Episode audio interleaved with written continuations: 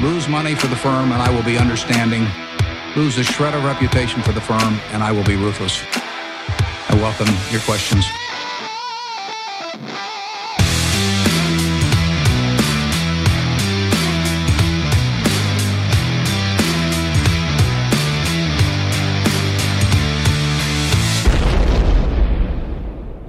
Välkomna till Kvalitetsaktiepodden. Det är jag som är Ola. Ja, och det är jag som är Klas. Eh, det här är avsnitt nummer 85 som spelas in torsdag den 4 februari. Mm. Vi är ju en liten dröm om att kunna göra någonting speciellt när vi kommer fram till 100. Ja. Och det känns ju mer och mer som det skulle kunna bli så. Ja, det är inte omöjligt. Ja, det blir någon gång fram i, framåt eh, Höst. Efter, ja, höst efter sommaren här någonstans. Mm. Eh, vintervädret har satt klorna i Linköping. Rejält. Ja, Mm. Snön lyser upp i februarimörkret. Ja, härligt. Mm. 10 minus och eh, gnistrande Ja, vitt. vi bara avbröt eh, manusarbetet här innan och gav oss ut och gick lite. Äh, när, när man ser solen så här vackert på vintern, då får jag alltid en sån här oerhört stark drivkraft att ta mig ut på något sätt. Jag, jag vet Mm. inte. Det är som han med fel säng på fel plats. då, ager, då reagerar Ja. ja. ja, men så är det. Mm. Eh, ja, glada barn ägnar sig åt coronasäkra utomhusaktiviteter. Mm. Jag vet att du Ola har ju fått eh, möjlighet att närs- närstudera framtidens hockeyelit på en spolad is nära ditt hem. Ja, Eh, riktigt mysigt. ja, ja, det är härligt. Mm. Eh, ja, för min del då, förutom några riktigt fina vinterpromenader då, Mm. så är det närmaste vintersport jag har kommit att jag höll- höll på att halka på en isfläck när jag lämnade den lokala paddelhallen här. Oh. Jag vet inte, du var Just- väl också på den i Ja, veckan? du, var, du, du blev ju som ett varningens finger Ja, för, för, mig där. För, ja, för de andra som kom efter och de här grabbarna som sa den där borde man ju för fan sanda. Ja, jo, det borde man. Jag håller med. Eh, Klas, nu sa ju du det där på västgötska. Vi är ju i Linköping. ja, det, det, det är en studentstad, Ola. Ja, det är sant. Så det dyker De kan upp. mycket väl ha varit västgötar. Mm, Ja. jag dök ju bland annat upp här. Okej. Mm, förlåt då. Nej, Mm. shoot, shoot. Eh, nej, jag tänkte faktiskt se om jag kan Bra att komma, du inte ramlade. komma ut på de fina skidspåren på Vretadslingan. Vad fan, har du spår? Ja, de är dragna Eller- på golfbanan i Ljungsbro. De Ja, har. Det är sån här eh, eh, Vasaloppscenter Oj. för folk som vill förbereda sig. Skitfint. De har sån här eh, riktig, eh, vad heter det, som de kör i slalombackarna? Eh, pist. Pistmaskin ja. Jaha. Mm. Härligt. Det blev helt fel när jag tänkte på eh, skidspår och så skulle jag lägga om till pisten. Ja, nej, jättefint. Har du skidor då? Ja, Bra. mycket bra. Och valla. Snyggt. Mm. Men då tänkte jag så här. Mm. Du bryr dig ju mindre om skidspåren och mer om skivspåren på dina vinylskivor Ola. ja. Ja, och vi har ju ingen lyssnarfråga nu för nu är det rapportavsnitt då. ja. Men då tänkte jag ju, en fråga du kunde önska att du någon gång kunde få från lyssnarna är Vilken är Pink Floyds bästa platta? Så jag tänkte vi avhandlar den här direkt i inledningen. Ja. Vilken är det Ola? Fy fanken. Ja, jag, jag, Man, vill, man vill ju säga Dark Side of the Moon bara för att eh, det är det man förväntas säga. Men, och det är kanske ett av de snyggaste skivomslagen. och det är kanske det mest klassiska. Men jag säger nog Wish You Were Here där som min, eh, min personliga favorit faktiskt. Eller möjligtvis Animals. Ja. Och då har vi ännu inte tagit upp The Wall va? Så att då, då förstår man lite hur bra Pink Floyd är så att säga. Mm. Ja, det är Jag har alla dem på vinyl för övrigt. Mm. Och eh, precis som typ alla andra skivor i hela världen snart. Du har ju fullständigt snöat in på det där alltså. Nej, jag har mycket skivor, men det har jag alltid haft. Eh. Nu tänkte jag uppdatera mina hiffiprylar som är cirka 20 år gamla. Är Hiffieklubben på börsen eller? Nej, men de måste fanken ha gått bra i år alltså. Eh, som allt annat eh, hemma. Men de ägs inte av några som är utan det är Nej, privat. jag vet inte. Men jag var nere på hiffieklubben i alla fall. De såg inte jätteledsna ut där. Mm. Om någon lyssnare vet hur det ligger till får ni gärna Vem äger... skicka ett mail eller lägga ut det på Eller Twitter. två grejer. Eran favoritskiva med Pink Floyd Floyd. och Vem äger hiffieklubben? Det, det Mm. vore trevligt. Ja. Jag vågar inte ens säga någon favoritskiva för jag blir bara hånad för jag är inte tillräckligt true för att få vara med. Jag vet det Ola, så det är ingen fara. Det är okej, det är okej för mig. Ja, Eh, ja, är det. nej men eh, det om det. ja, ja. Vad blir det idag? Idag blir det rapporter. Det blir säga. rapporter idag. Ja, Eh, det är ju, ja, det är det det blir. ja. Men det är ju fortfarande bra tryck på börsen även om det börjat skaka lite de senaste veckorna. Har inte varit sådär bara uppåt i alla Nej, fall. Nej. Men vissa bolag är väl ganska mycket bara uppåt. Mm. Eh, så det vi gör nu, vi inväntar väl Bidens utlovade stimulanspaket. Får vi se om han ror det i hamn och pissar ut ytterligare ett antal tusen miljarder här. Ja, det är så mycket som man kan knappt. Nej, det är helt ofattbart mycket pengar. Eh, och eh, ja, våra kvalitetsbolag är inte så speciellt högt värderade. Utan vi vet ju att de eventuellt dras med ned i fallet en bit då. Mm. Om, om, om luften går ur den här tech och ESG-ballongen Ja, som, som har blåsts upp här nu under de ja, senaste åren. Mm. Och allting är som vanligt bara en fråga om timing. Ja. Tänk om vi visste Ola. ja tänk Det om är man just visste. nu skulle man ju vilja kunna få resa lite grann in i framtiden. Alltså. Kristallkulan. Ja. Mm. Ja, men någon Ola som vet hur både starka och svaga börsklimat ska hanteras är ju Peter på Kavaljer. Ja, Mm. de har ju erfarenhet. Ja, det är vår huvudsponsor. ja, Ja, som både är en trygg diskretionär förvaltare och fondförvaltare. precis. Ja, och eh, vi har gjort en, en trevlig vana att då och då koppla upp Peter på Skådcast Mm. och prata lite om deras verksamhet och lite olika bolag som både vi och de gillar. Och det har vi gjort idag. Ja, det är dags igen. Mm. Och eh, då kan vi säga så att ni som håller, eh, håller på Semcon eller funderar på att göra det, Mm. tycker jag ska lyssna lite extra noga. Ja. Så här kommer vårt samtal med Peter som spelades in igår, onsdag den 3 februari. Hej Peter, hur står det till? Det är bra, tack så mycket. Mer Ja. ja. hoppas jag att det är bra. Ja, det är fantastiskt. Ni skulle ju få tufft snöväder i Stockholm. Blir det något av det eller? Det Du har tagit dig till jobbet. Ja, det har snöat väldigt mycket. Skottar varje dag här. 15-20 centimeter kom det igår. Oj, Ja. oj, ja, men vi har ju fått, vi fick ju i, i helgen skulle jag säga. Och, Mm. Ja, vi hade lite lokal eh, distribution över Linköping så jag satt och mådde fint och kunde i so- stort sett sopa bort snön medan Ola inte knappt kunde komma ut från hemmet. jag skulle säga Ja.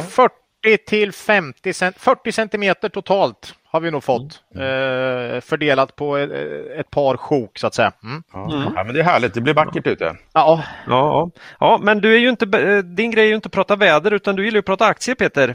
Ni har ju satsat på kvalitetscase som alla vet och ändå så har ni ändå haft en hygglig start på det här året. Ja, trots Ja, så, kvalitetsaktier. ja trots kvalitetsaktier, för Ja. det är ju inte det heta just nu kan man säga. Men, men så hur har det gått i Quality Focus? ja, det, det har ju gått väldigt bra. 2020 slutar ju till slut bra, upp 22 procent och januari är upp eh, 5,5 procent. Så det, det är några bolag som har gått väldigt bra. Eh, Semcon upp 34 procent på tre månader. Itab nu 96 procent. Eh, Kindred 52 procent och så några till som har haft extremt bra avkastning. Så att, ja, det har varit en väldigt bra period för oss.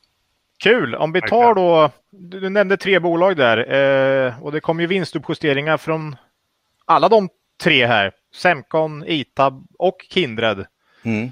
Har du något att säga om något av de Eh, bolagen?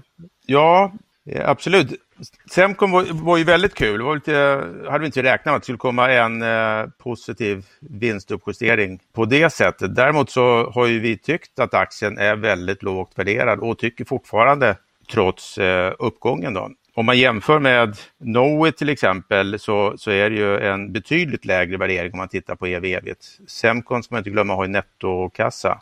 Så att vi tror ju att marginalerna kommer att eh, bli bättre.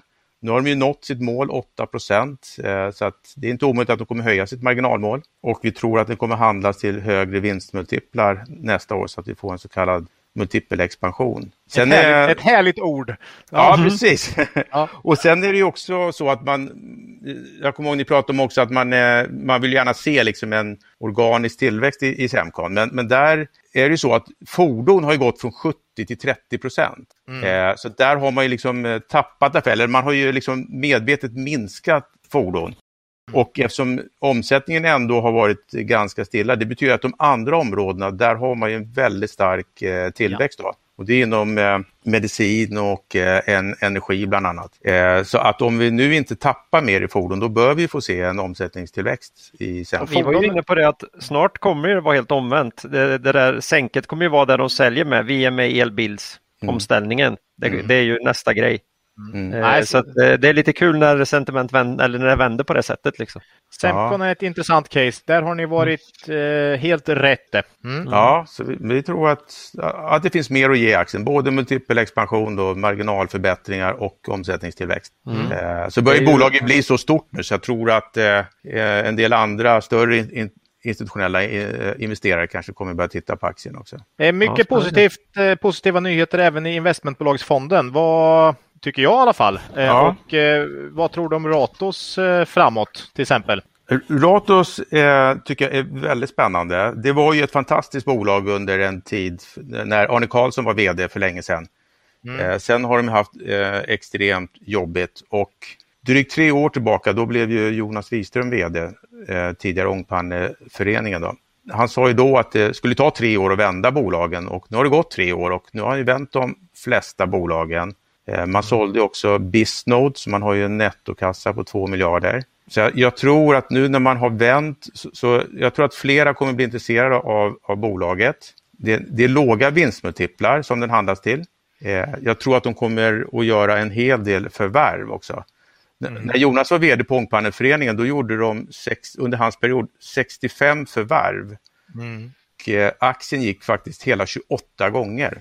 Ja, jo, under jag kommer tiden. ihåg. Jag, Helt ja, otroligt. ja, ja. Eh, och, och, så att det väl, ligger väl nära till hans att- tro att han vill göra en liknande resa med Ratos här. Mm. Eh, att, se, jag tror att vi kommer få se flera värdeskapande förvärv i Ratos då.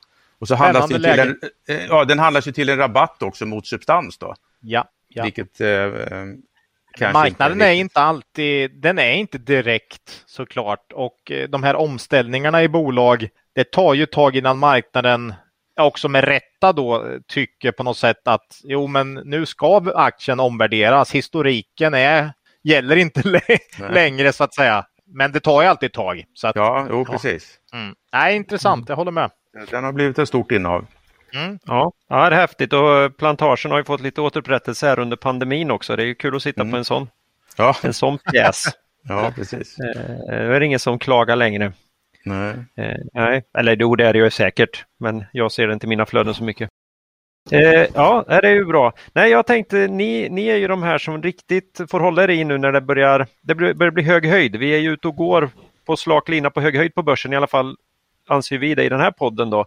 Och eh, jag och Ola, vi kan ju gömma oss i likvider och sådär när vi tycker att vi Mm. måste ju inte köpa något nytt. Eh, och det gör ju att vi kanske säljer lite för tidigt ibland och drar oss ur. Ni, ni, sit, ni sitter ju kvar, ni är ju långsiktiga och trygga. Hur, kän, hur känns det liksom? Hur, hur jobbar Jo, ni med det det där? våran strategi är ju mycket buy and hold. Eh, Vi äger ju bolagen under flera år och eh, vill ju se eh, liksom att värdena på bolagen stiger därför att de växer och vinsterna ökar över tiden. Då.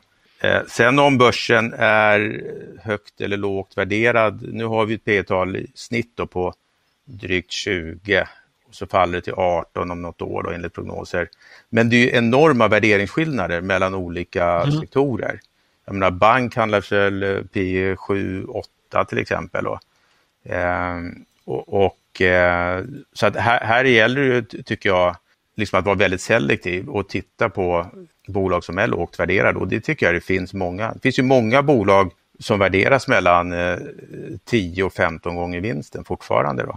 Och som ändå växer. Så att, och det är de vi har eh, framförallt i, i quality focus. Då. Så att det, jag tycker att det, länge man har den typen av bolag så kan man strunta i, alltså det blir vad det blir liksom. Eh, Börsen, börsen är vad det är, men så länge man tycker att man har vettigt värderade bolag så, så är det ju bara att rulla på liksom. Ja, precis. Och, och jag menar P20 med de här låga räntorna, är, jag tror inte att det är högt egentligen om man nu tror att de här räntorna ska vara kvar länge. Om man tror att de skulle vara kvar i evig tid, då, då är det ju P20 alldeles för lågt. Så att, och nu får vi ju stimulanser, vi får ju eh, vinsttillväxt som vi ser det både i år och eh, nästa år.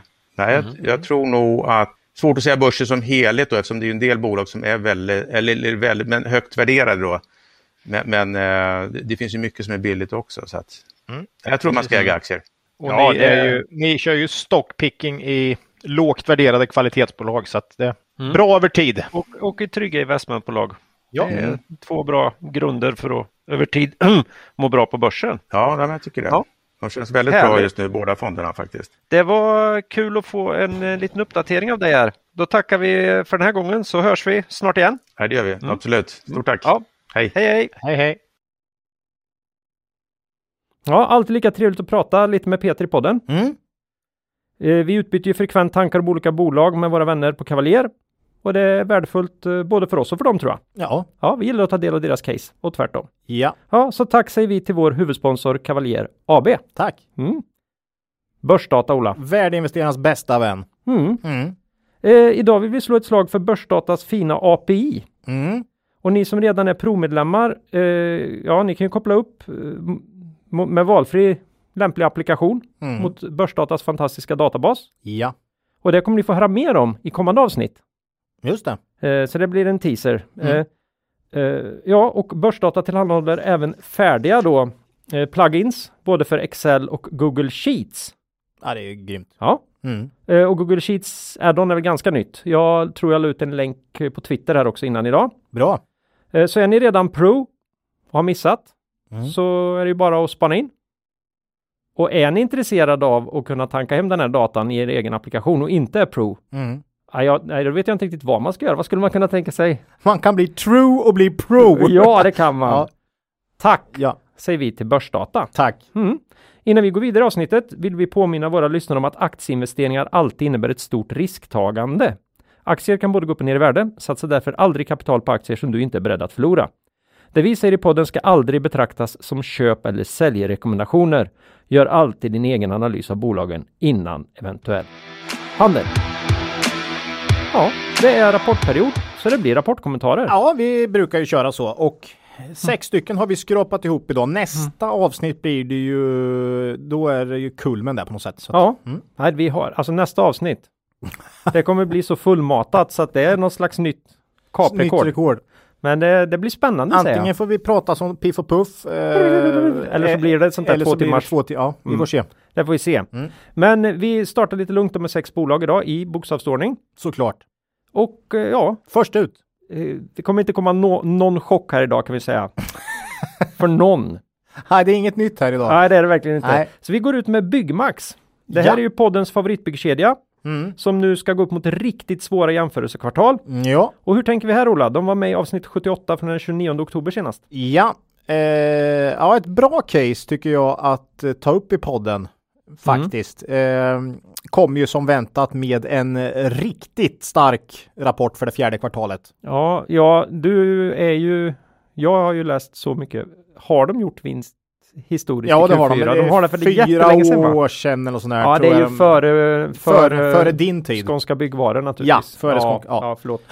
Eh, Men det var länge sedan de gjorde vinst i ett fjärde kvartal. Men det gjorde man nu. 55 miljoner och omsättningen upp 29 procent. Mm. Det är... Eh, nej, så 2020 blev ju summerat ett magnifikt år för, eh, vad ska jag säga? Ja, både för Byggmax och för hela den branschen, utan tvekan. Eh, vi tror ju inte riktigt att det här är eh, Hållbart. hållbara vinster. Vad som däremot eh, har blivit lite permanent här förbättrat är ju såklart balansräkningen då.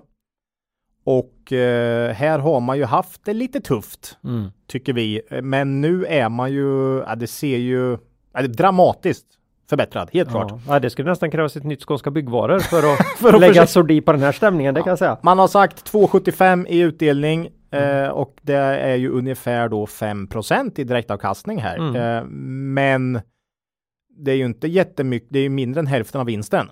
Mm. Så att det är, nej, det är balansräkningen klart bättre. Eh, Byggmax, eh, tyvärr, får man väl säga här, så tror vi att Q4 blir den sista rapporten på, på ett bra tag faktiskt, då man slår eh, eh, fjolårets Ja, sitt jämförelsekvartal. Ja, sitt jämförelsekvartal. Det kan vara så att man inte lyckas med det under något av de fyra kvartalen under 2021.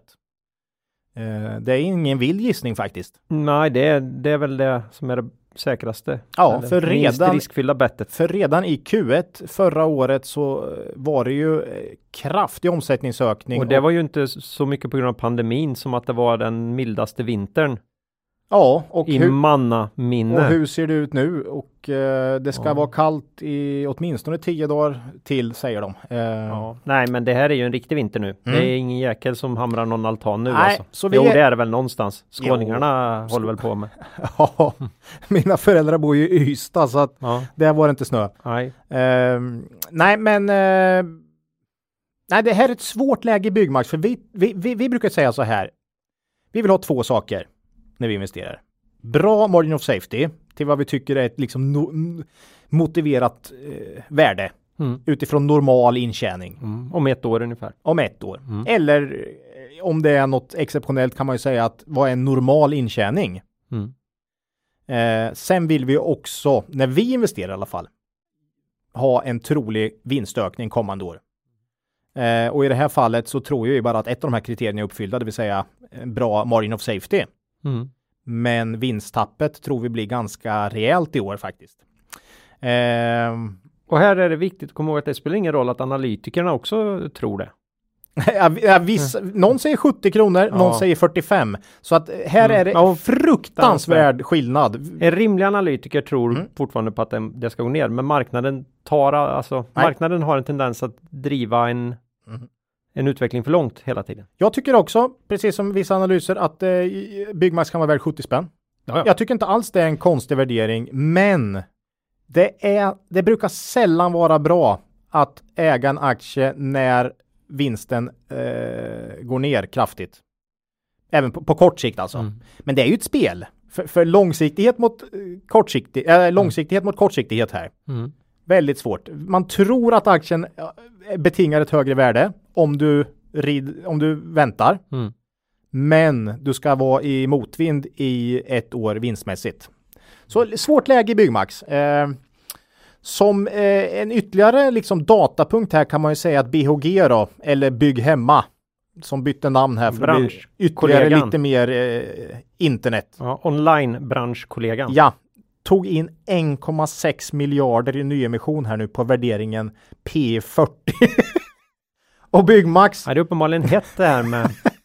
och det är just på absolut drömår för branschen. ja. Det är alltså 2020 måste vara, Mm. och P40 är alltså på, på ett drömår. Ja. Ja. Topp, det är så det ofta blir. Toppmultiplar på toppvinster liksom. det är så klockrent av BOG alltså. Mm. Det är, ja, det är så klart de ska ta in pengar. Ja, ja, ja, så, ja, det är så snyggt gjort alltså. Eh, frågan är om det kan komma ett bud, Byggmax, Excel Bygg, eh, Mm. nej, jag vet inte, eller ja, något ska de väl ha pengarna till. Mm. Inte ska de dela ut dem.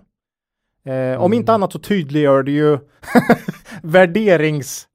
värderingsskillnaden Ja. mellan BHG och Byggmax. det, det är väl liksom den här förväntan. Mm. Det är samma kunder Ja, på ett sätt och ändå så är den ena Ma- det, det, man anser att bara en kanalförskjutning då, där Bygg, Byggmax dessutom är med. ja, ja, de har ju, onli- de har ju en bra hemsida, Ja. alltså online-del Först- liksom, ja. som växer snabbt. Då. Mm. Eh, man gör ungefär samma vinst för 2020. Byggmax lite högre vinst än Bygg Hemma. Mm. Eller BHG. Byggmax värderas till drygt 3 miljarder, BHG till 20 miljarder. Mm. Och i princip samma vinst. Då. Eh, vi brukar ju dock inte som bekant hålla på med relativvärderingar då. Nej, det är Eh, viktigt att förstå att vi kanske kan tycka att om det är någonting som är galet här så är det inte Byggmax eh, värdering som är fullt så galen som någon annan värdering. Nej. Nej. Eh, men uppseendeväckande Ja. är det ju. Ja. Ja, nej, här är det just. Eh, vi tror att By- Byggmax bör vara värd mer på sikt, Mm. men vi tycker det är lite jobbigt med den här motvinden vi tror i, eh, i vinst då. Eh, nej, Mm. vi, vi, eh, vi, vi äger inga aktier i Byggmax för Mm. tillfället, även om vi gillar aktien på sikt. Och det här är ju på grund av eh, vinst mot vinden här då. Mm. Skulle bara fattas att eh, BHG nu lägger ett, ett fett bud Mm. på Byggmax här under året. Mm. Då står vi där med vår med lång näsa. Mm. Mm. Men så är det. Ja, det skulle göra riktigt ont. Ja, Ja, så inte att det vi inte är med utan att man kan, man kan trycka egna pengar på det där sättet på grund av upplåsta värderingar. Ja, men, Det- det, men det, så är det. det. hade jag också gjort om jag hade varit Ja, ja. eh, Bygg Hemma Group. Mm.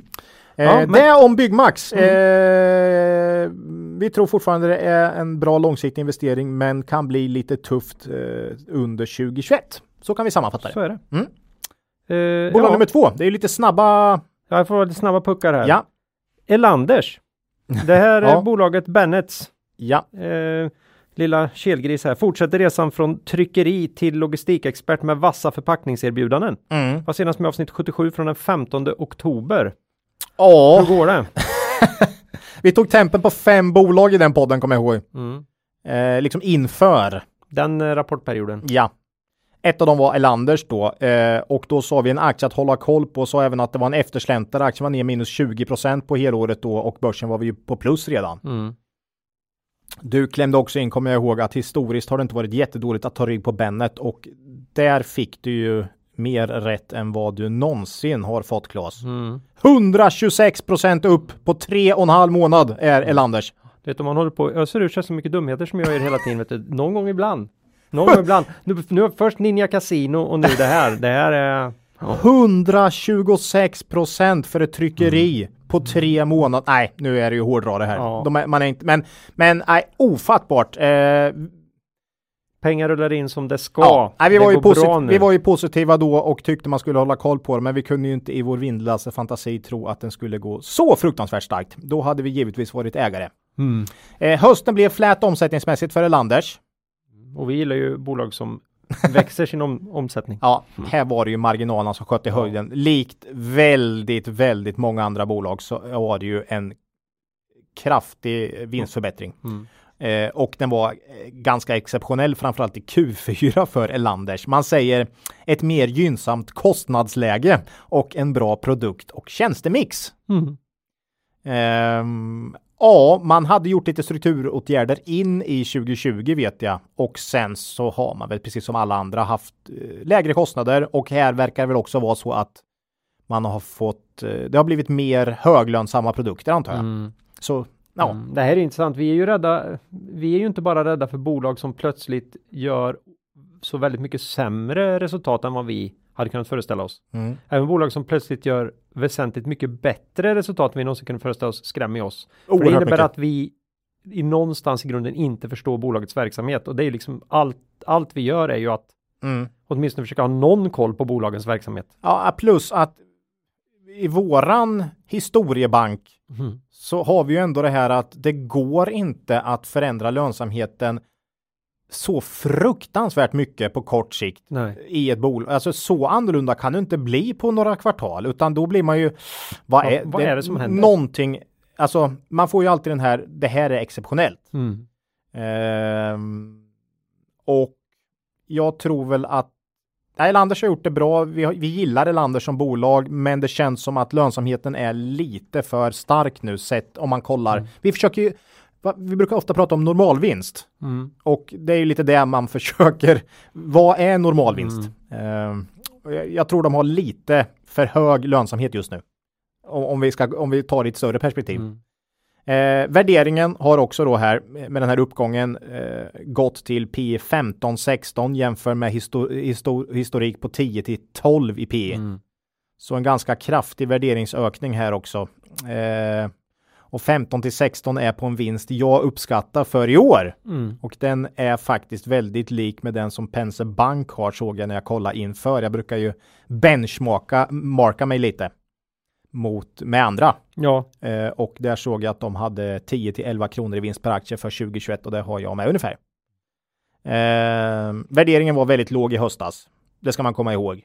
Visst, det var den helt klart och det sa vi då i Ja. podden också. Men det känns som att den här uppvärderingen nu på 126 procent på tre månader är lite väl mastig faktiskt. Eh, Nordea, bara det här, är- det här är intressant, höjde sitt motiverade värde från 70 till 165 på ungefär ett halvår.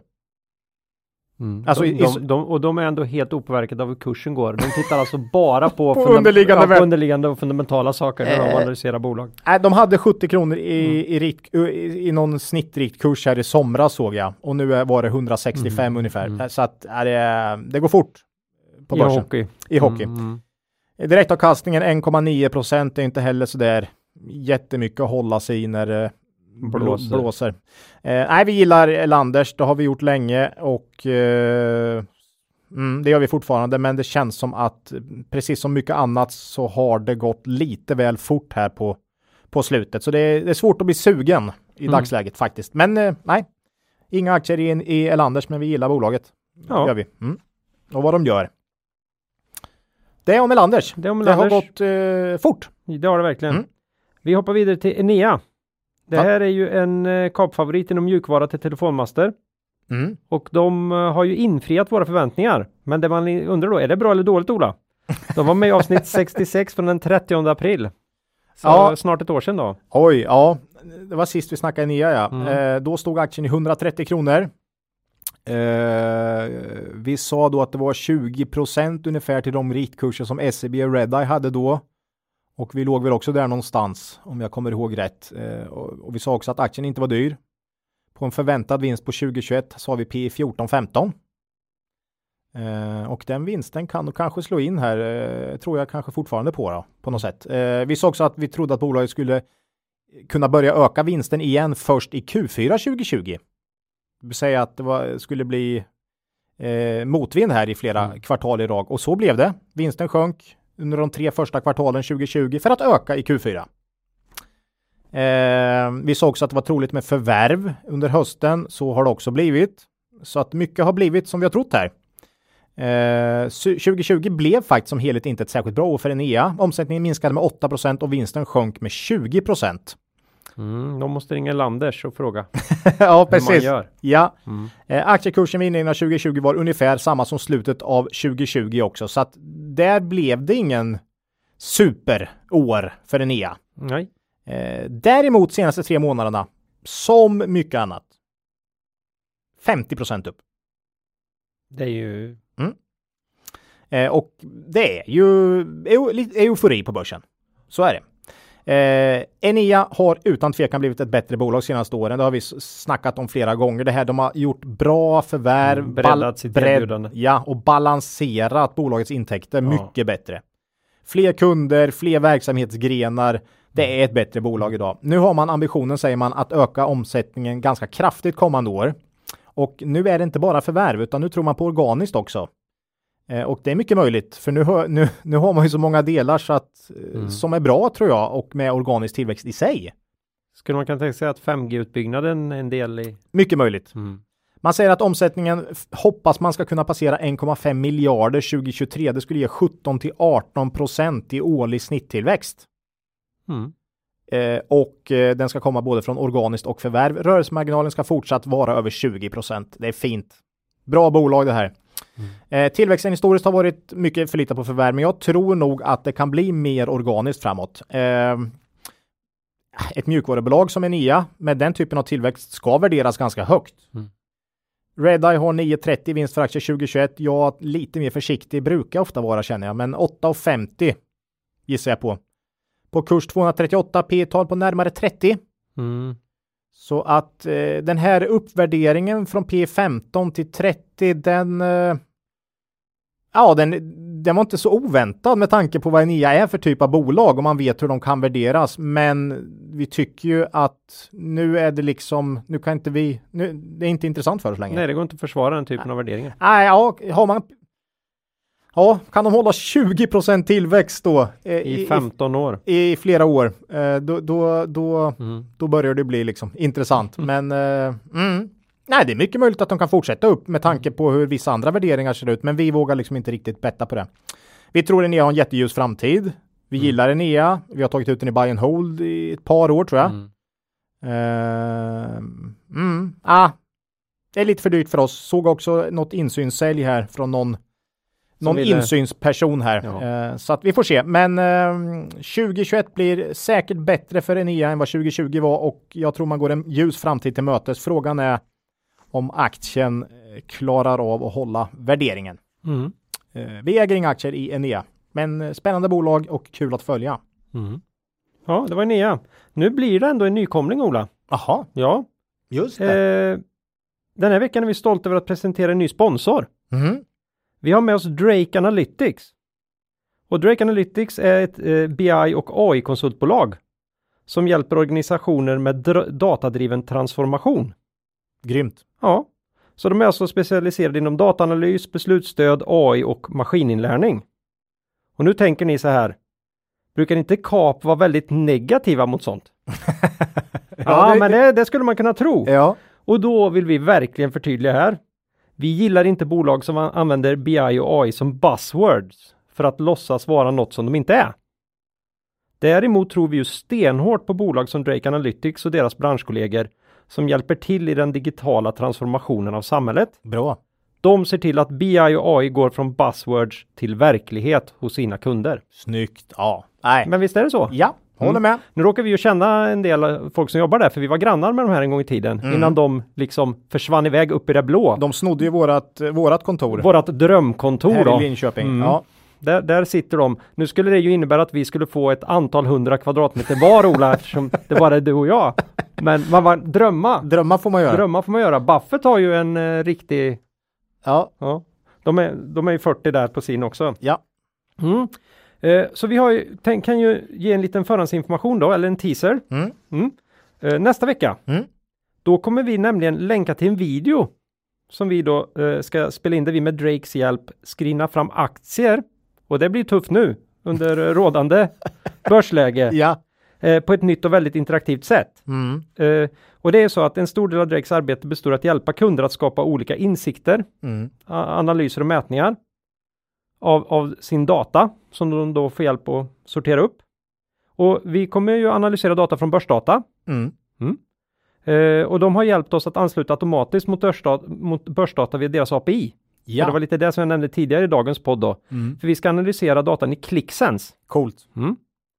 Det här, Eh. det här blir något man inte får missa. Nej, och det fina är att alla som vill kan få del av källkoden till ClickSense. Ja. Eh, för det här då. Just så det. att, eh, ja, då, då har man ett sånt här API så kan man ju själv göra det på egen hand sen. Missa inte det. Nej. Så ni kommer få en inblick i hur kraftfulla och moderna BI-verktyg och business intelligence-plattformar fungerar Mm. och hur man kan vända och vrida på data. Mm. Vill ni veta mer om Drake Analytics och hur de kan hjälpa er? Eh, eller om ni är intresserade av att arbeta hos Drake? Mm. Läs då gärna mer på deras hemsida www.drakeanalytics.se eller lyssna på deras podcast Drake Talks. Mm. Snyggt. Snyggt. Eh, vi länkar eh, i avsnittsbeskrivningen till hemsidan Ja. och eh, man hittar podden under fliken om oss. Drake Analytics. Kul! Mm. Mm. Ny sponsor. Härligt. Härligt. Ja, då hoppar vi vidare bland bolagen Ola. Nu går vi till ett något större bolag. Ja, jag tänkte presentationen här. H&M är det här vi pratar om. och då ska jag H&M är H&M. Ja. Eh, sjut- avsnitt 75 på den 17 september var de med senast. Mm. Har det varit, eh, det har inte märkts av pandemin så mycket fortsatt för dem? Ja, det här är ju ett, eh, nej, hårt drabbat såklart. Nedstängda butiker och folk som sitter hemma och ugglar i mjukisbyxor. Mm. Som, som de dessutom köper på Kappahl. För de, Har de, du bry, de kan inte bry sig mindre. Har du köpt mycket festblåsor sista året Claes eller? Nej, det har varit väldigt, väldigt dåligt. Ja. Jag var ute och stötta, Skotta? Nej. nej, jag stö- stöttade eh, den lokala Gant-butiken bara för att jag tycker, ja det finns två här i Linköping till och med. Jag tror Ja. det är samma ägare. Eh, och, och köpte lite på rean där. Jag har också haft lite den, när man handlar nu för tiden så är det mer eh, av något form av solidi, solari, solar, solidaritetsskäl.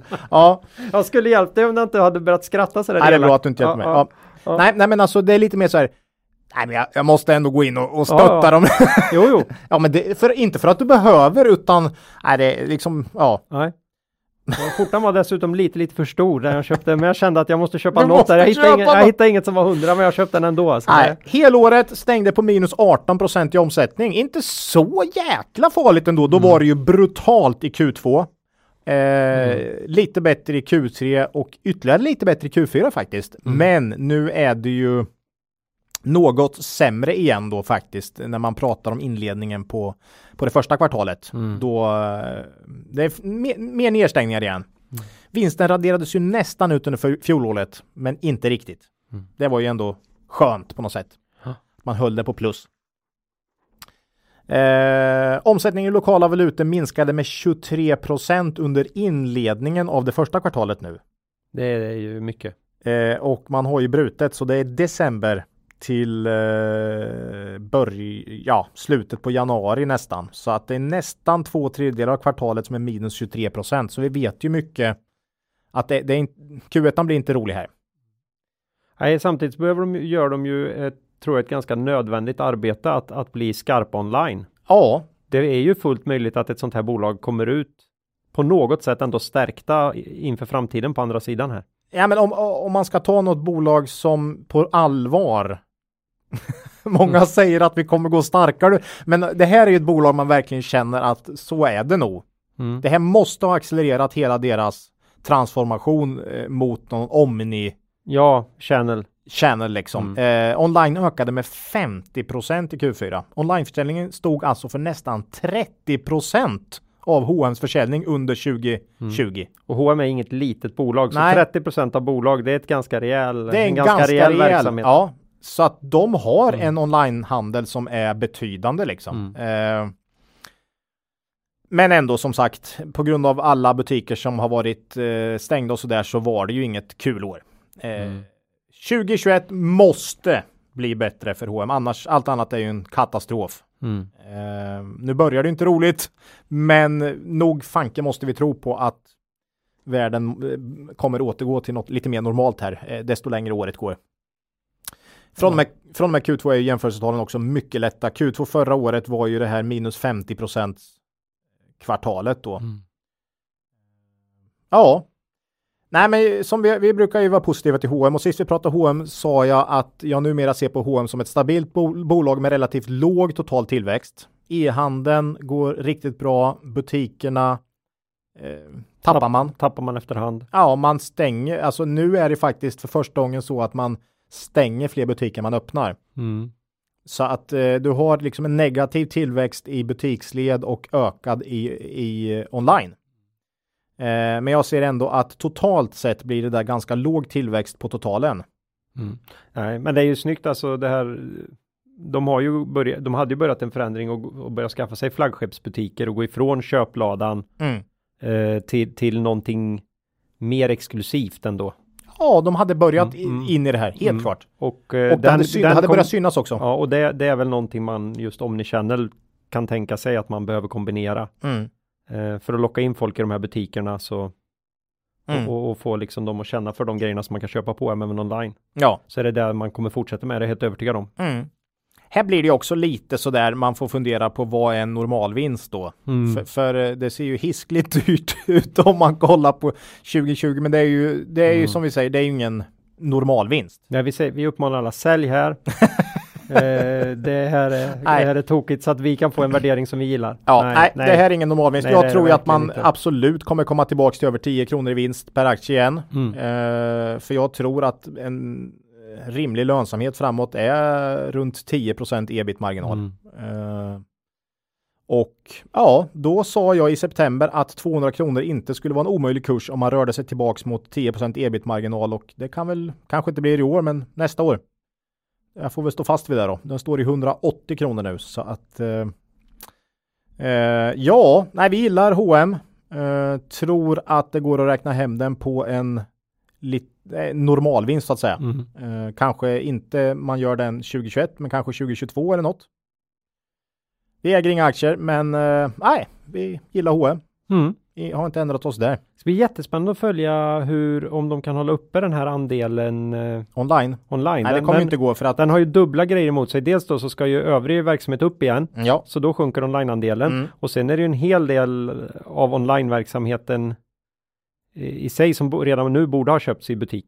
ja, Så den kommer ju få tufft. Så frågan är när de kan vara på, tillbaka på 30% igen. Ja, då det är jäklar nog är det starkt du. det är ett bra tag till dess. Ja. Det hoppas jag nästan. för annars är det inte så du- roligt. Ja, Nej, alltså eh, med tanke på att man hoppas ändå att världen kommer tillbaka till något normalt och att de ändå kan ha de här tre- 30 procenten butiker som har varit stängda Mm. öppna så borde ju online bli sjunka tillbaks mm. som andel alltså. ja. Men att den kommer fortsätta öka eh, över ja, tid. men jag tror att det den kommer sjunka tillbaka lite också. det kommer Det- den också göra, ja. för, såklart. För att eh, Folk springer tillbaka till butiken när de kan få prova.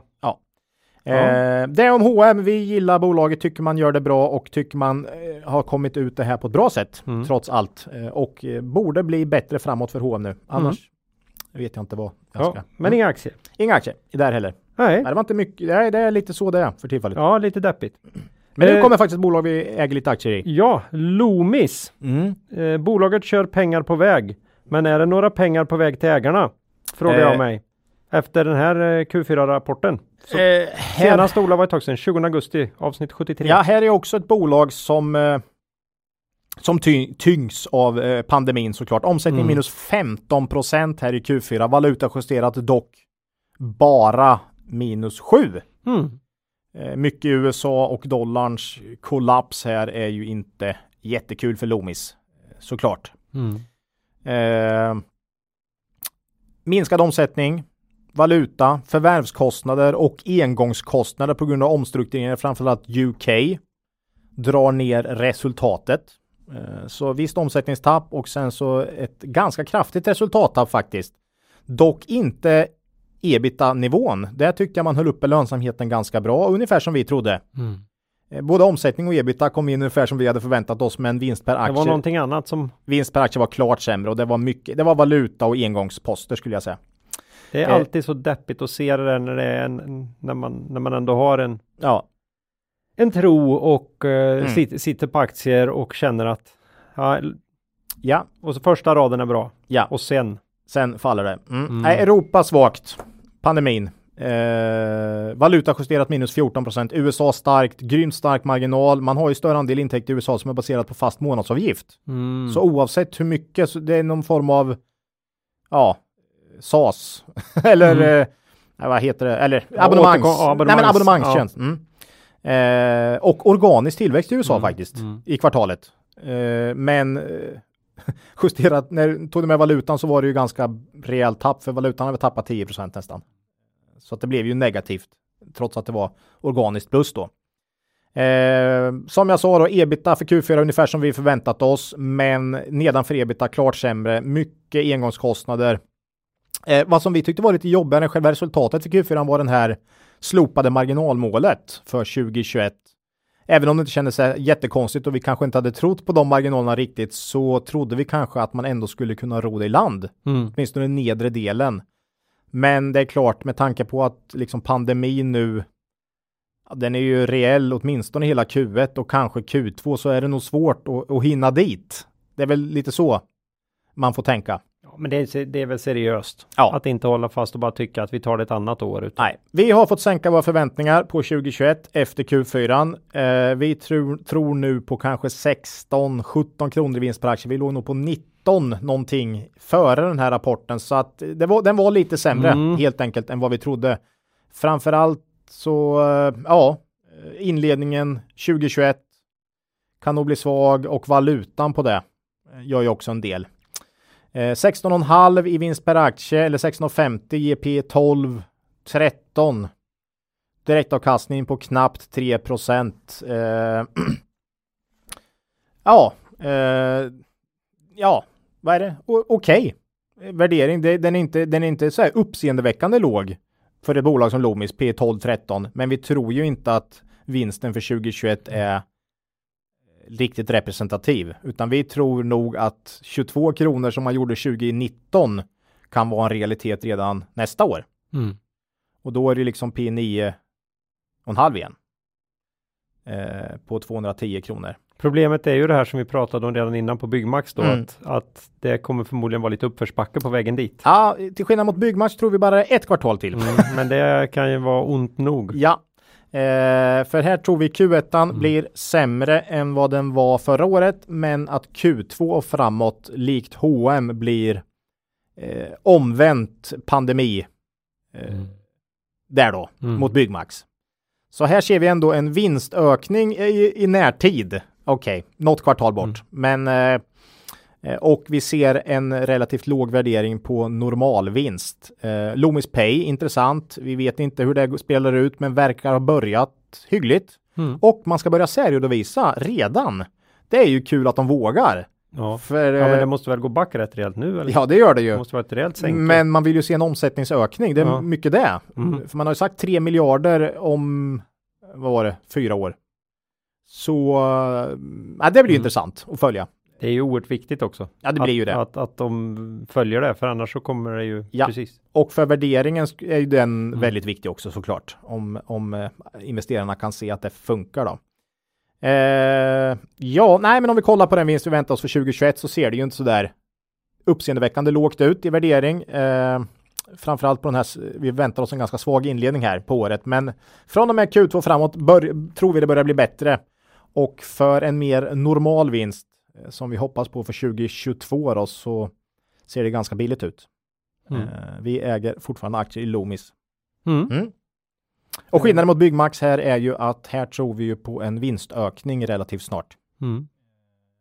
Det gör vi inte i Byggmax. Men då ska man också veta att det just att det kryllar inte av andra case för oss där ute just nu. Nej, Så vi kanske håller lite hårdare i grejerna vi redan har än vad vi skulle göra annars. mm, Så att man tar med sig det. vi har mycket likviditet, 40 likviditet Mm, något mm. nu då. Kan vara viktigt att veta inser jag efter. eh, De Mm. lyssnarna har ju hört när vi pratar med Peter Mm, och jag antyder ganska kraftigt där att eh, vi sitter, ligger på en hel del likviditet. Mm, ja. Och det gör vi. mm. Så är det just nu. Ja, Eh, ja, det är om Loomis. Vi Loomis. hänger på Mm. i kontanthanteringsträsket. Mm.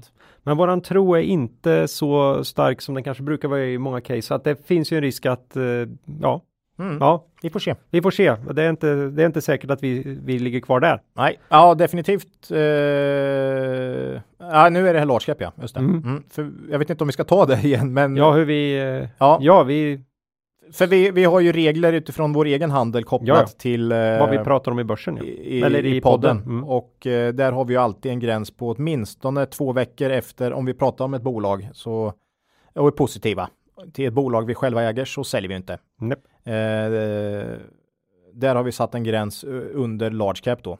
Mm. Large cap tycker vi att där har vi inte mycket som vi kan påverka överhuvudtaget. Eh, det tror jag inte. Så att eh, eh, därav. Men Mm. Loomis ligger på large cap så där gör vi vad vi vill. Ja. Eh, men eh, nej, men jag, jag känner att det är ett case jag kan eh, rida nu och Mm. vänta ut helt enkelt. Ja, Jag tror på det. så är det. Ja, Mm. Mm. Eh, sist ut då? ja, minst också kanske. Ja, Ja, det är det nog kanske faktiskt. Mm.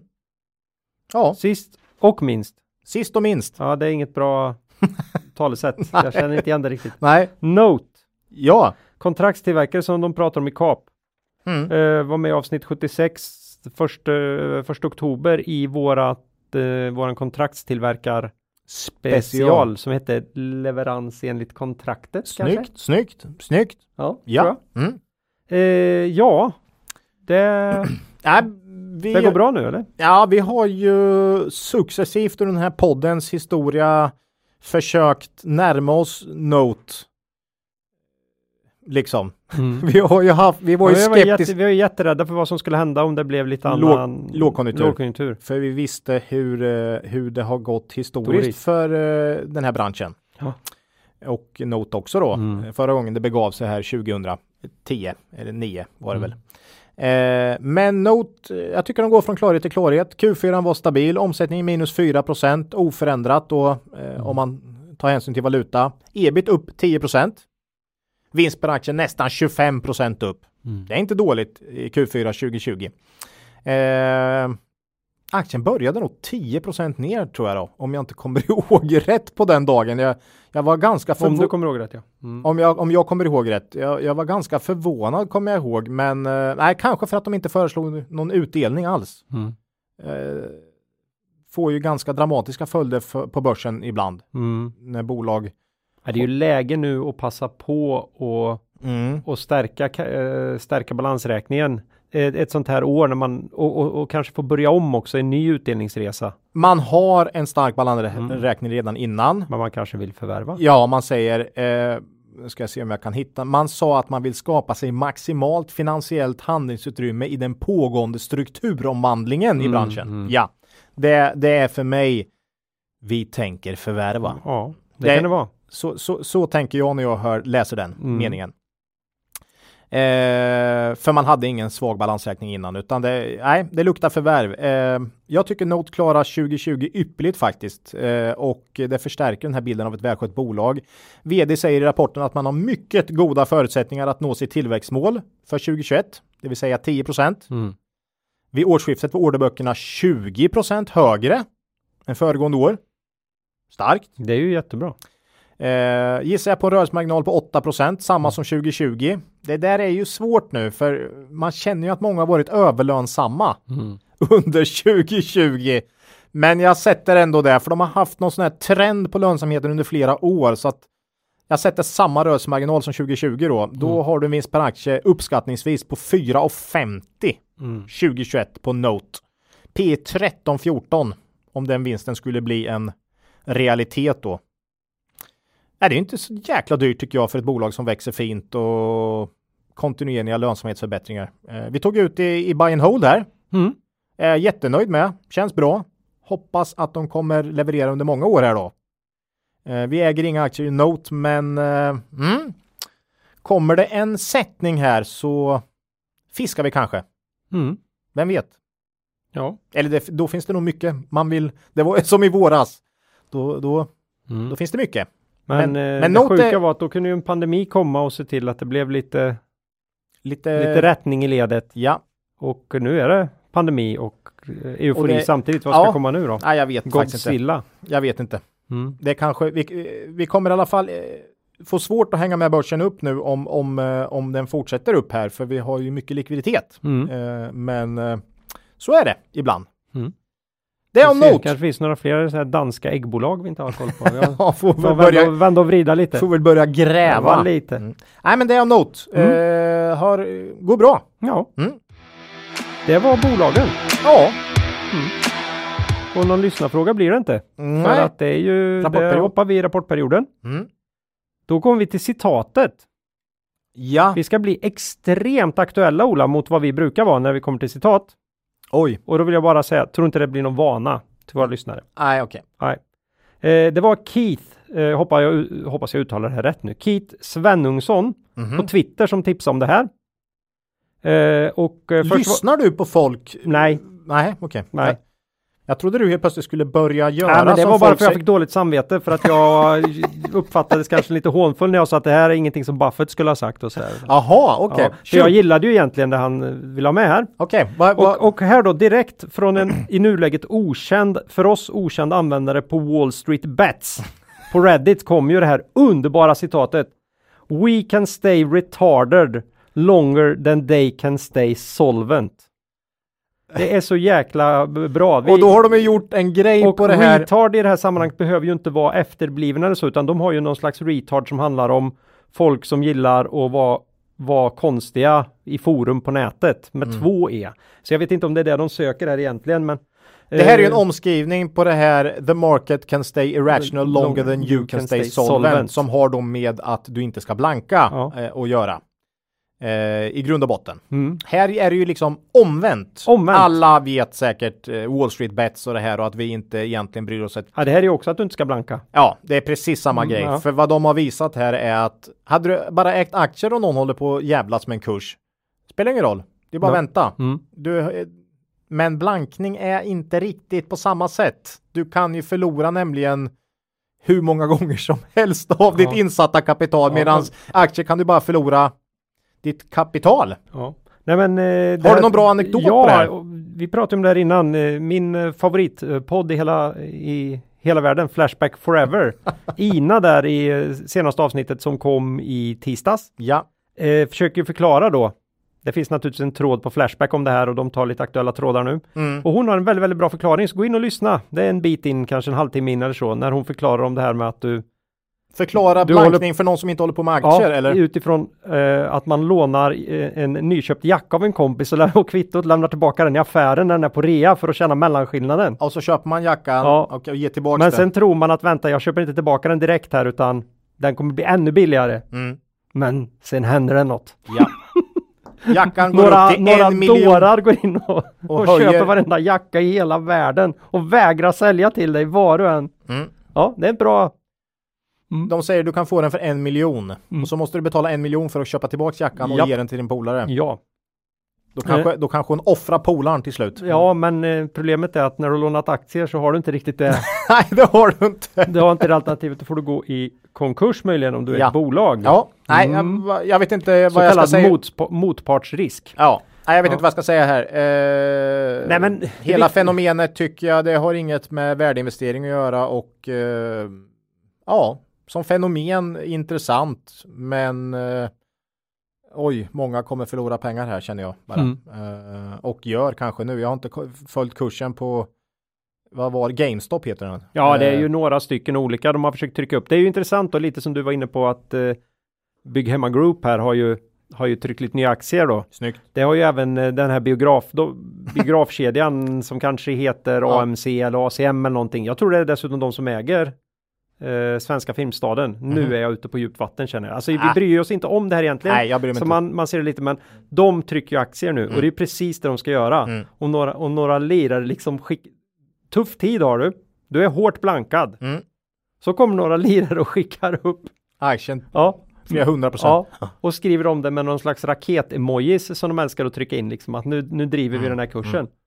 Ja, mm. Då trycker du egna aktier och, ge, och säljer till de här gökarna. Mm. Det är ju helt fantastiskt. Det, det är ju en realitet för de som har blankat såklart. Mm. Det, det blir- gör ju ont. Eh, och vi har ju sagt blanka aldrig har vi sagt eh, i Mm. den här podden och det står vi ju fast vid. Belå, Vad, belåna inte, Nej. blanka inte. nej, vad vi däremot hade kunnat eh, få ut av det här är ju möjligtvis om man hade ägt lite blankade aktier. För det har ju verkar ha spridit sig över världen lite. Det Mm. blev ju något drev förra veckan när blankade aktier gick upp eh, mer generellt. Mm. För, ja, förmodligen för att en hel del eh, banker blev jävligt Ja, jag tror att en hel del av de här hedgefonderna börjar täcka. blev oroliga helt Ja. enkelt. Eller kanske inte klara sina, sina krav. Mm. Eh, så Man att, kanske ville se över sin affärsmodell lite ja, grann. jag vet inte. Så, Mm. Tyvärr hade vi inte jättemycket blankade aktier i vår portfölj så att eh, ja, Loomis Mm. hade kanske har någon ko- procent. Så att, Ja, mm. Ja, den gick nog faktiskt upp också eh, några procent någon dag där. Kanske hade med det att göra. Jag Mm. vet inte. Ja, ja. Så är det. ja, nej, det är ju stora svängningar nu på börsen oavsett nästan vad som Ja, händer. Så det är nej, men svårt det, att veta. det, är mycket sådana här klassiska toppsignaler. Mm. Eh, det tyckte jag kanske också i och för sig, eller borde ha tyckt i inledningen av 1999 också. Mm. Så att det är väldigt svårt att veta hur länge det håller på. Mm. Ja, nej, men eh, då tänkte jag så här då. Ja. Att vi tog det här citatet och sen så ska vi ha en tävling. Mm, För jag lackade här för jag tänkte bara ta reda på, ja, men vem var det som sa det här först? Mm, Det måste ju stå överallt. Det gör det förmodligen. mm. Men jag börjar ju bli gammal uppenbarligen för jag kan inte ens söka fram på Google. Vilken användare på det här Wall Street Bets Var det som var det sa? som sa det här först? Ja. Och eller är det någonting de har hållit på med i flera år kanske? Jag vet inte. Nej. Så den som kan eh, berätta det för Oj, oss den- snabbast den- på, på mail Mm. och, eh, och det är på mail vi vill ha det och leda det i bevis på något sätt. Ni kan inte bara skriva att det var deep fucking value, vilket är mitt absoluta favoritnamn i det här. Det är väl han som har tjänat massor med pengar på det här. Mm. Eh, ja, det väl många som gjort det kanske. Mm. Så, så kan ni berätta vem det är och leda det i någon slags bevis som räcker för att övertyga oss. Mm. Då får ni ett ex av eh, The Most Important Thing av Howard Marks Illuminated-versionen som har kommit ut. Man kan köpa den igen. Den Mm. var ju lite slut ett tag, men nu, nu finns den på Bokus i alla fall. Och då byter vi, hel, då, då flyttar vi hela grejen till värdeinvesteringar plötsligt. Ja, för då får... ja, jag var tvungen att göra någonting. Ja, det är snyggt, det är snyggt. Jag var tvungen Ja. att göra någonting. ja, Ja, eh, så är det. härligt. Så, ja. Eh, kom in med era, Mm. era svar och är det så att vi inte, att det helt enkelt inte går Mm. Att hitta någon. att eh, hitta någon här av någon outgrundlig anledning, då hittar jag på någon annan bra anledning att ge bort. Eller så lottar vi ut bland någon. Alltså- Nej, det gör vi inte. Ja, det kan det bli Nej, också. det, då blir det för jäkla många. Ja, men det har vi haft förr, det Okej. löser jag. Okej, bra. jag har ju värsta Excel-snurran Snurran. för det där. Okej. Mm. Mm, mm, mm. Ja, vi närmar oss slutet Ola. Ja, Mm. Nästa avsnitt kommer torsdagen 18 februari. mm. hoppas på lite vassa rapporter med Mm. låga värderingar då. Mm. Eh, Vi får se. Det kanske inte är så sannolikt, men vi hoppas på det. Vi hoppar. Ja. Eh, och förutom en hög med rapporter så kommer det vara en intressant intervju i slutet på det avsnittet med författaren Daniel Sang ja. eh, som funderat en hel del på hur en framgångsrik investerare bör tänka. Mm. Några intressanta grejer där faktiskt. Absolut. Så han har eh, tagit fram en toolbox. Toolbox. Ja, så den är på engelska. Ja. Så jag hoppas ju att vi kan ta intervjun på svenska. Men eh, ja, det kommer vi göra. Ja. Eh, men ni kan mejla oss på kontaktet kvalitetsaktiepodden.se. Mm. Kommentera på Twitter Mhm. och fortsätt gärna gå, i, gå med, med oss på Twitter. Vi försöker ju bli 10 000. Ja. Och varför är det viktigt? Ja, 10 000 är en sån där klassisk siffra. Är den inte det? Det Jo. vore ju roligt. Vi börjar närma oss nu. Det är väl 9600 följare eller något på Twitter. Jag tänker mig, eh, man kan det finns inget som heter, man kan inte göra något Claes för att få mer följare eller? Vi, vi, Du menar att, att eh, köpa följare från eh, Indien liksom? Eller? Nej, jag vill inte köpa, nej, Nej. nej, det, eh, skit i det. Vi, vi skippar det. Ja, vi skippar det? Vi, vi ska ha unika fina Fina människor. eh, värdeinves- bara, värdeinvesterare. ja, bara fina människor. Ja. Mm, mm. Okej. Eh, vi har ju också vår hemsida kvalitetsaktiepodden.se Mm. som man kan titta till och lyssna på En gamla på. oerhört fin Ja, det är hemsida. så fint. Så fint. Mm. Ja, Ola, något riktigt makro eller TA värt att ta upp idag? Nej, inte mycket. Jag hade något, men jag har glömt bort det. Ja, då får vi ta det en annan dag då. Ja, det får vi ta. Ja, du sa det att du hade världens grej, så det ska vi ta. Och Nej, sen glömde bort. eh, när vi satt här innan så, nej, vi håller på med för mycket trams helt Ja, enkelt. vi får Det ta är det för nästa. mycket vinyl. Vi är för Ola. mycket vinyl och för lite investering. Ja. Eh, jag har ju en grej då. Ja, vad har du då? Det är ju det här med ESG. Oj, det var inte första gången den dyker Nej, upp. Det, är ju, det är ju helt galet det här med miljö och social governance. Mm, Och finansmedias jakt på sådana vinklar då. mm, Och jag tycker nu har det ballat ur. mm. Det var en artikel här i DI eh, Mhm. för, för, för någon vecka sedan. Och då var det försäkringsbolagens hållbarhets och klimatarbete. Mhm. Och då har du rubriken på den Mm, och inledningen då mm. som avser brand i en vanlig villa. Okej. Hur, hur har de tänkt då? Rubriken Bolagens största klimatskräck. En totalbrand släpper ut 25 ton koldioxid. Och sen fortsätter den ingressen. Att jobba med, e- med den egna hållbarheten är en sak. Men den riktigt stora nyttan kan sakförsäkringsbolagen göra genom att få sina kunder att hålla sig skadefria. DI har pratat med några av försäkringsjättarna för att ta reda på hur. Ja, jag skulle kunna föreslå en annan rubrik. Ja, Den skulle kunna varit Försäkringsbolag har ingen relevant betydelse för klimatutmaningen. Vad tror du om den? Ja men herregud, en, och då kan vi ta ett exempel. En villa idag i Sverige. ja. Nu blir de färre och färre, men det finns jättemånga sådana här som värms med direktverkande el. Gör åt ungefär 25 000 kilowattimmar el på ett år. Ja, det känner jag Och till. de brunkolkondenskraftverk som ligger på marginalen, Mm. och de är många, de utgör en stor andel av elproduktionen. Från i, kontinenten framförallt Ja. va? Mm. i den, och det finns väl någon kvar i Danmark också. Mm. Eh, de är ju kraftigt integrerade i det nordeuropeiska elsystemet Ja. som Sverige sitter fast i. Mm. De släpper ut då, råkar det händelsevis, ungefär ett kilo koldioxid per kilowattimme. Ja. Och då är det ju alltså exakt samma utsläppssiffra per år Som att bränna ner en villa. för en sån villa som att bränna ner den. Och då när den här villan brinner ner så är det väl mest trä tänker jag som brinner upp. Så, Ja. det, så det får vi väl hoppas kommer tillbaka på, Mm. på, en, på en skogscykel. Mm. Nej, Nej, villor som brinner är inte problemet. det är nej. Nej, utan ska man hitta problem här, Mm. då är det ju att vi bor i villor. Och att vi värmer upp massor med kvadratmeter för bara några få personer. Ja. Ja. Eh, eller att de resurser som förbrukas i systemet fortfarande till allra största del utgörs av fossila bränslen, alltså kol, olja och naturgas. Ja. Nej. Det, det är Ola, vet du om det? Vet om det? Det klockar alltså in fortfarande någonstans 80 prote- procent av den totala globala energianvändningen, Mm. eller för att använda eh, riktig lingo, primärenergianvändningen, Mm. är fossil. Mm. Och då tycker man så här, åh, det ökar så bra med alla de här förnyelsebara alternativen. Mm. Ja, men vi ökar ju förbrukningen li- minst lika mycket. så totalt sett så ökar ju fortsatt Ja. utsläppen från de här fossila alternativen. Mm. Eh, så att mitt slutgiltiga förslag till rubrik här nu då Mm. skulle Kör vara en ny rubrik. ja, försäkringsbolagens största klimatsmocka. De kan inte rida på ESG-trenden. Den borde det ha kört. Vi har försökt hitta en rimlig vinkel, men det går inte. Nej. De har ingenting där att göra. Nej. Nej, blir, ibland blir Ja. man lite tröttare än annars. Nej, jag, jag tycker... Ja, jag, Mm. Bilden var ju en villa som brann kraftigt Ja. som, som omgärdade den här. Ja. Sen själva artikeln Nej. handlar ju extremt lite om just det här då. Mm. Men det var den vinkeln man ville dra för att sådana som jag då Mm. skulle klicka på det här. Och bli upprörda. Nej, jag tror att många, de tänkte att många skulle bli heta på försäkringsbranschen för de Ja. hade något sånt här tema försäkring. Nej, jag vill... Mm. eh, Ja. Nej. Ja. Nej, jag, jag känner bara att försöka få in allt på något sätt i något ESG-fack blir lite patetiskt nu faktiskt. Ja. Det är så. Ja, den var, den var Jag värst. tycker eh, Kindred borde köra den här att vi släpper inte ut ett skit. Mm. Den tycker jag. De, Om, om alla svenska villor brann ner en gång per år, Mm. då skulle vi ungefär dubbla det svenska direkta utsläppet.